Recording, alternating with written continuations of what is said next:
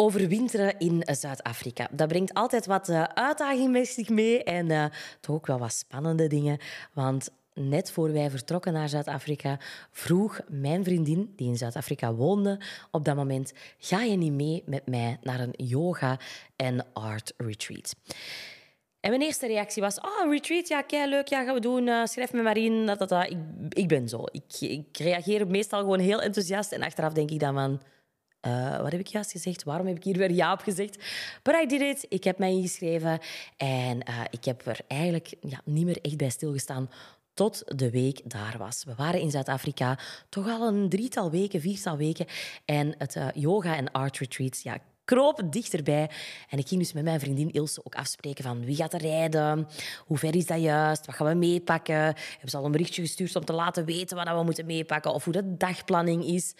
En toen, it dawned on me. Toen besefte ik van, uh, Kools, heb jij je eigen nu ingeschreven voor een yoga- en art retreat? Ten eerste, jij hebt nog helemaal niet zo vaak yoga gedaan. Maar dat stukje dacht ik van, dat zie ik nog wel zitten. Ik heb wel eens yoga gedaan. Ik heb ooit ook wel wat um, pregnancy yoga, wat zwangerschapsyoga gevolgd. Dus ik dacht van, oké. Maar dan ineens besefte ik van, nee, jij gaat naar een art retreat. Art, kunst, maken, schilderen, tekenen. ineens begon ik te panikeren van, wat heb jij gedaan? Jij kunt nog niet eens fatsoenlijk een manneke tekenen. En dan ga jij op art retreat. Dus ik was eigenlijk zo ontzettend bang eigenlijk gewoon. En ik kreeg een knoop in mijn maag en ik dacht, waarom heb ik hier weer ja op gezegd? Ik had ook gewoon heel het weekend op mijn lui gat kunnen gaan liggen, in de jacuzzi kunnen gaan hangen, wat kunnen gaan zwemmen met de kinderen. Waarom heb ik ja gezegd op een yoga- en art retreat? Maar ik kon niet meer terug. Ik had betaald, ik had ingeschreven en mijn vriendin rekende ook echt wel op mij. En ik weet dat ik echt nog, nog naar haar heb gestuurd van... We kunnen ook gewoon met z'n tweetjes een weekendje weg, hè. Knipoog, ook leuk. Maar ik kon er niet onderuit. En ik dacht toen nog, en dat is ook zo typisch hetgeen dat we doen, zo wat gaan vergelijken. Die vriendin die meeging, die is kunstig. Die maakt aquarellen, die schildert, die, die is dus echt wel met kunst of met schilderen, met verven bezig. En ja, toen voelde ik mij helemaal nog zo groot en toen dacht ik, waarom? Dus ik ging daar niet met een heel fijn gevoel naartoe. Ik, ik dacht echt van, ik ga niet mee kunnen die yoga, dat gaan weer allemaal zo van die mega lenige mensen zijn die dat allemaal kennen en al die termen snappen. En ik ga daar meteen omvallen. Die art, dat gaat op niks trekken waar ik ga maken, et cetera. Dus met een heel dubbel en toch wel een zwaar gevoel begon ik eigenlijk aan die retreat. Maar ik had er ook wel zin in, want uiteindelijk waren we ook al drie weken, vier weken op dezelfde plek heel vaak met de kindjes samen. En ik had ook wel gewoon zin om met mijn vriendin een weekend te gaan doorbrengen en andere mensen te leren kennen. En de dag startte. En we begonnen met yoga en dat was eigenlijk meteen al heel fijn. Het was geen gemakkelijke yoga, het was vinyasa yoga voor mensen die iets van yoga kennen. De dag erna was trouwens yin yoga. Heerlijke yoga, want dat is yoga waarbij je gewoon moet blijven liggen. Zalig.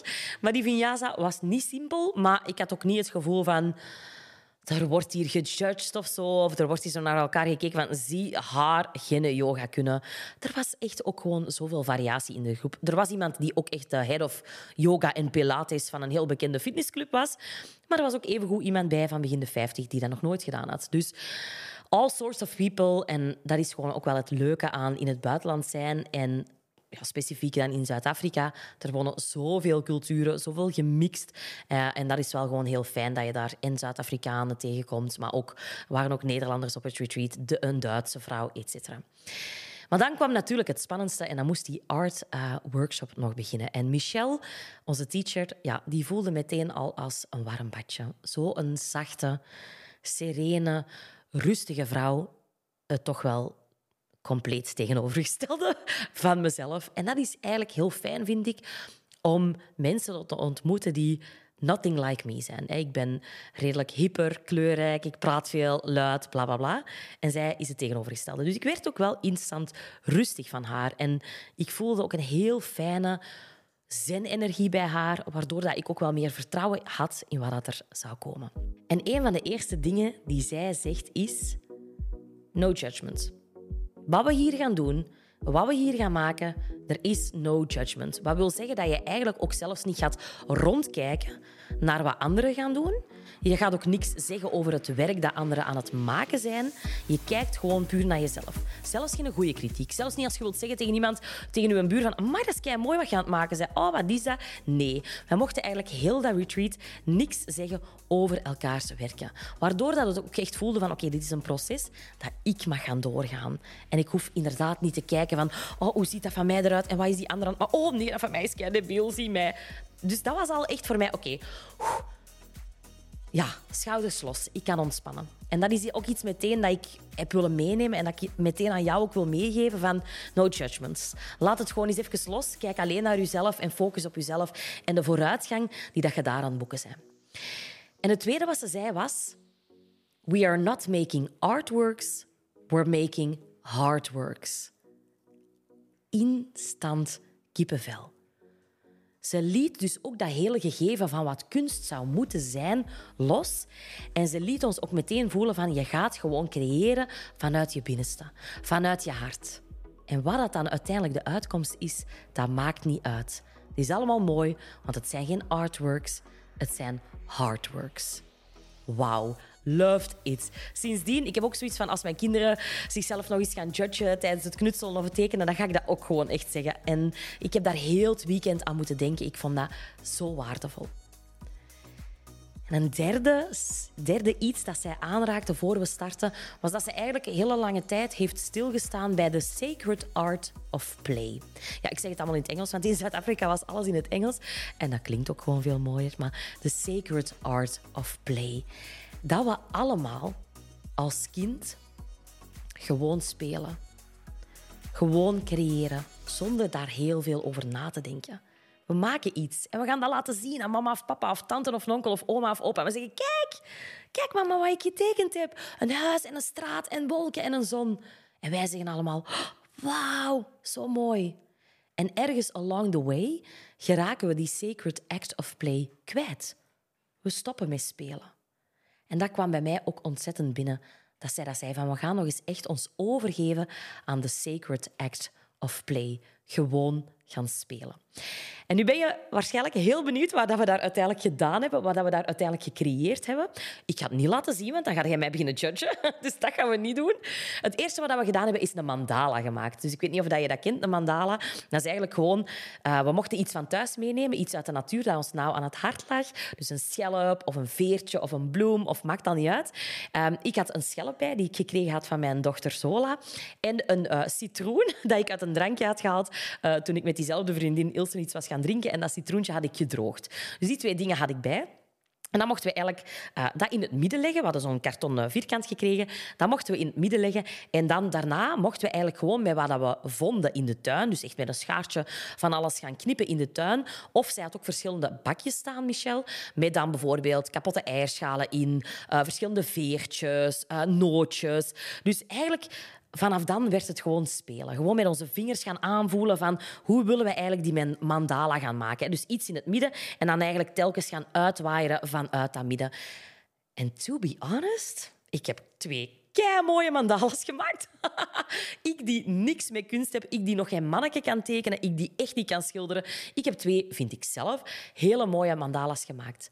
Maar het coole van dat allemaal, en dat had ik eerlijk, ook niet, eerlijk gezegd ook niet verwacht, voor ik vertrok, is dat het eigenlijk ook niet over die uitkomst ging. Want elke keer als wij iets maakten, als we iets creëerden, dan bleef ze dat ook zeggen van no judgments, don't look around, focus on yourself, the sacred act of play, these are not artworks, these are hardworks. En op een gegeven moment, na een uur in stilte, wat voor mij ook al, wie dat mij kent, weet dat dat moeilijk is, een uur of anderhalf uur, soms twee uur in stilte creëren, nodigden ze ons uit om in de tuin te gaan zitten en te journalen. Voor wie niet weet wat journalen is, is gewoon een notitieboekje erbij nemen en gewoon gaan schrijven. Schrijven wat er in je opkomt. En dan moet je eigenlijk echt gaan denken van wat heb ik met die mandala's toch willen uitbeelden? Wat is daar, zonder dat kapot te analyseren, toch te gaan nadenken van en wat heeft dat naar boven gebracht? Van die stil te zijn een uur. Een uur met mijn handen bezig te zijn. En daar zijn zo'n mooie zaken uitgekomen. Die zal ik zo dadelijk met jou delen. Maar ik ga eerst nog vertellen wat mijn tweede hardwork was. Uh, de tweede dag hebben we tijdens de art workshop een blok klei gekregen. En ook daar hebben we gejournald, maar hebben we eerst gejournald. Dus dat vond ik dan weer zo'n hele coole afwisseling. Hebben we eerst gejournald en echt nagedacht over wat wil ik eigenlijk, van wat wil ik meer? Wat wil ik meer gaan voelen? Wat wil ik meer gaan toepassen? En bij mij kwam doorheen dat hele retreat, want het coole vond, vond ik ook dat we heel regelmatig vrij hebben gekregen. En dat is iets dat ik zelf ook heb onthouden voor mijn eigen retreats, voor mijn eigen live dagen. Wat ik heel vaak doe, is omdat je denkt dat je mensen waarde moet geven, en dat is ook zo, ga er een hele dag vol proppen. Ja, ik moet, dat moet helemaal vol met sprekers en talks en workshops. En, uh. Maar hier was dat ook heel vaak van, je hebt nu twee uur vrij.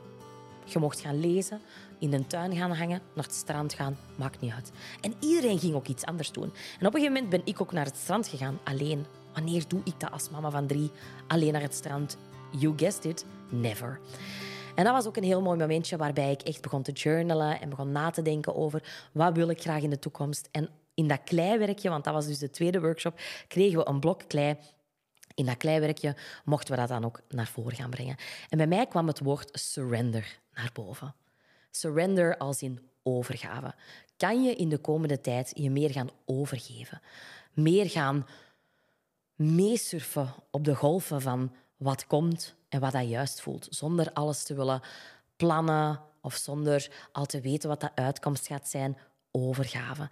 En hoewel het een mag ik dat zeggen, ja, op zijn campus. Hoewel het een gat lelijk kunstwerk was wat ik daar gemaakt heb, zat er wel een schone boodschap achter. Dus ik heb zo een, een, een, ja, een manneke, wat ik dus niet kan, maar een, een, een manneke gekleid die dan echt ja, eigenlijk uit een soort van aarde kwam gevlogen met vleugels. En ja, ik zag dat echt... Ja, wat ik in mijn hoofd had, was wel heel mooi. Ik beloof het. Maar no judgment. Wat ik in mijn hoofd had, was prachtig en heel...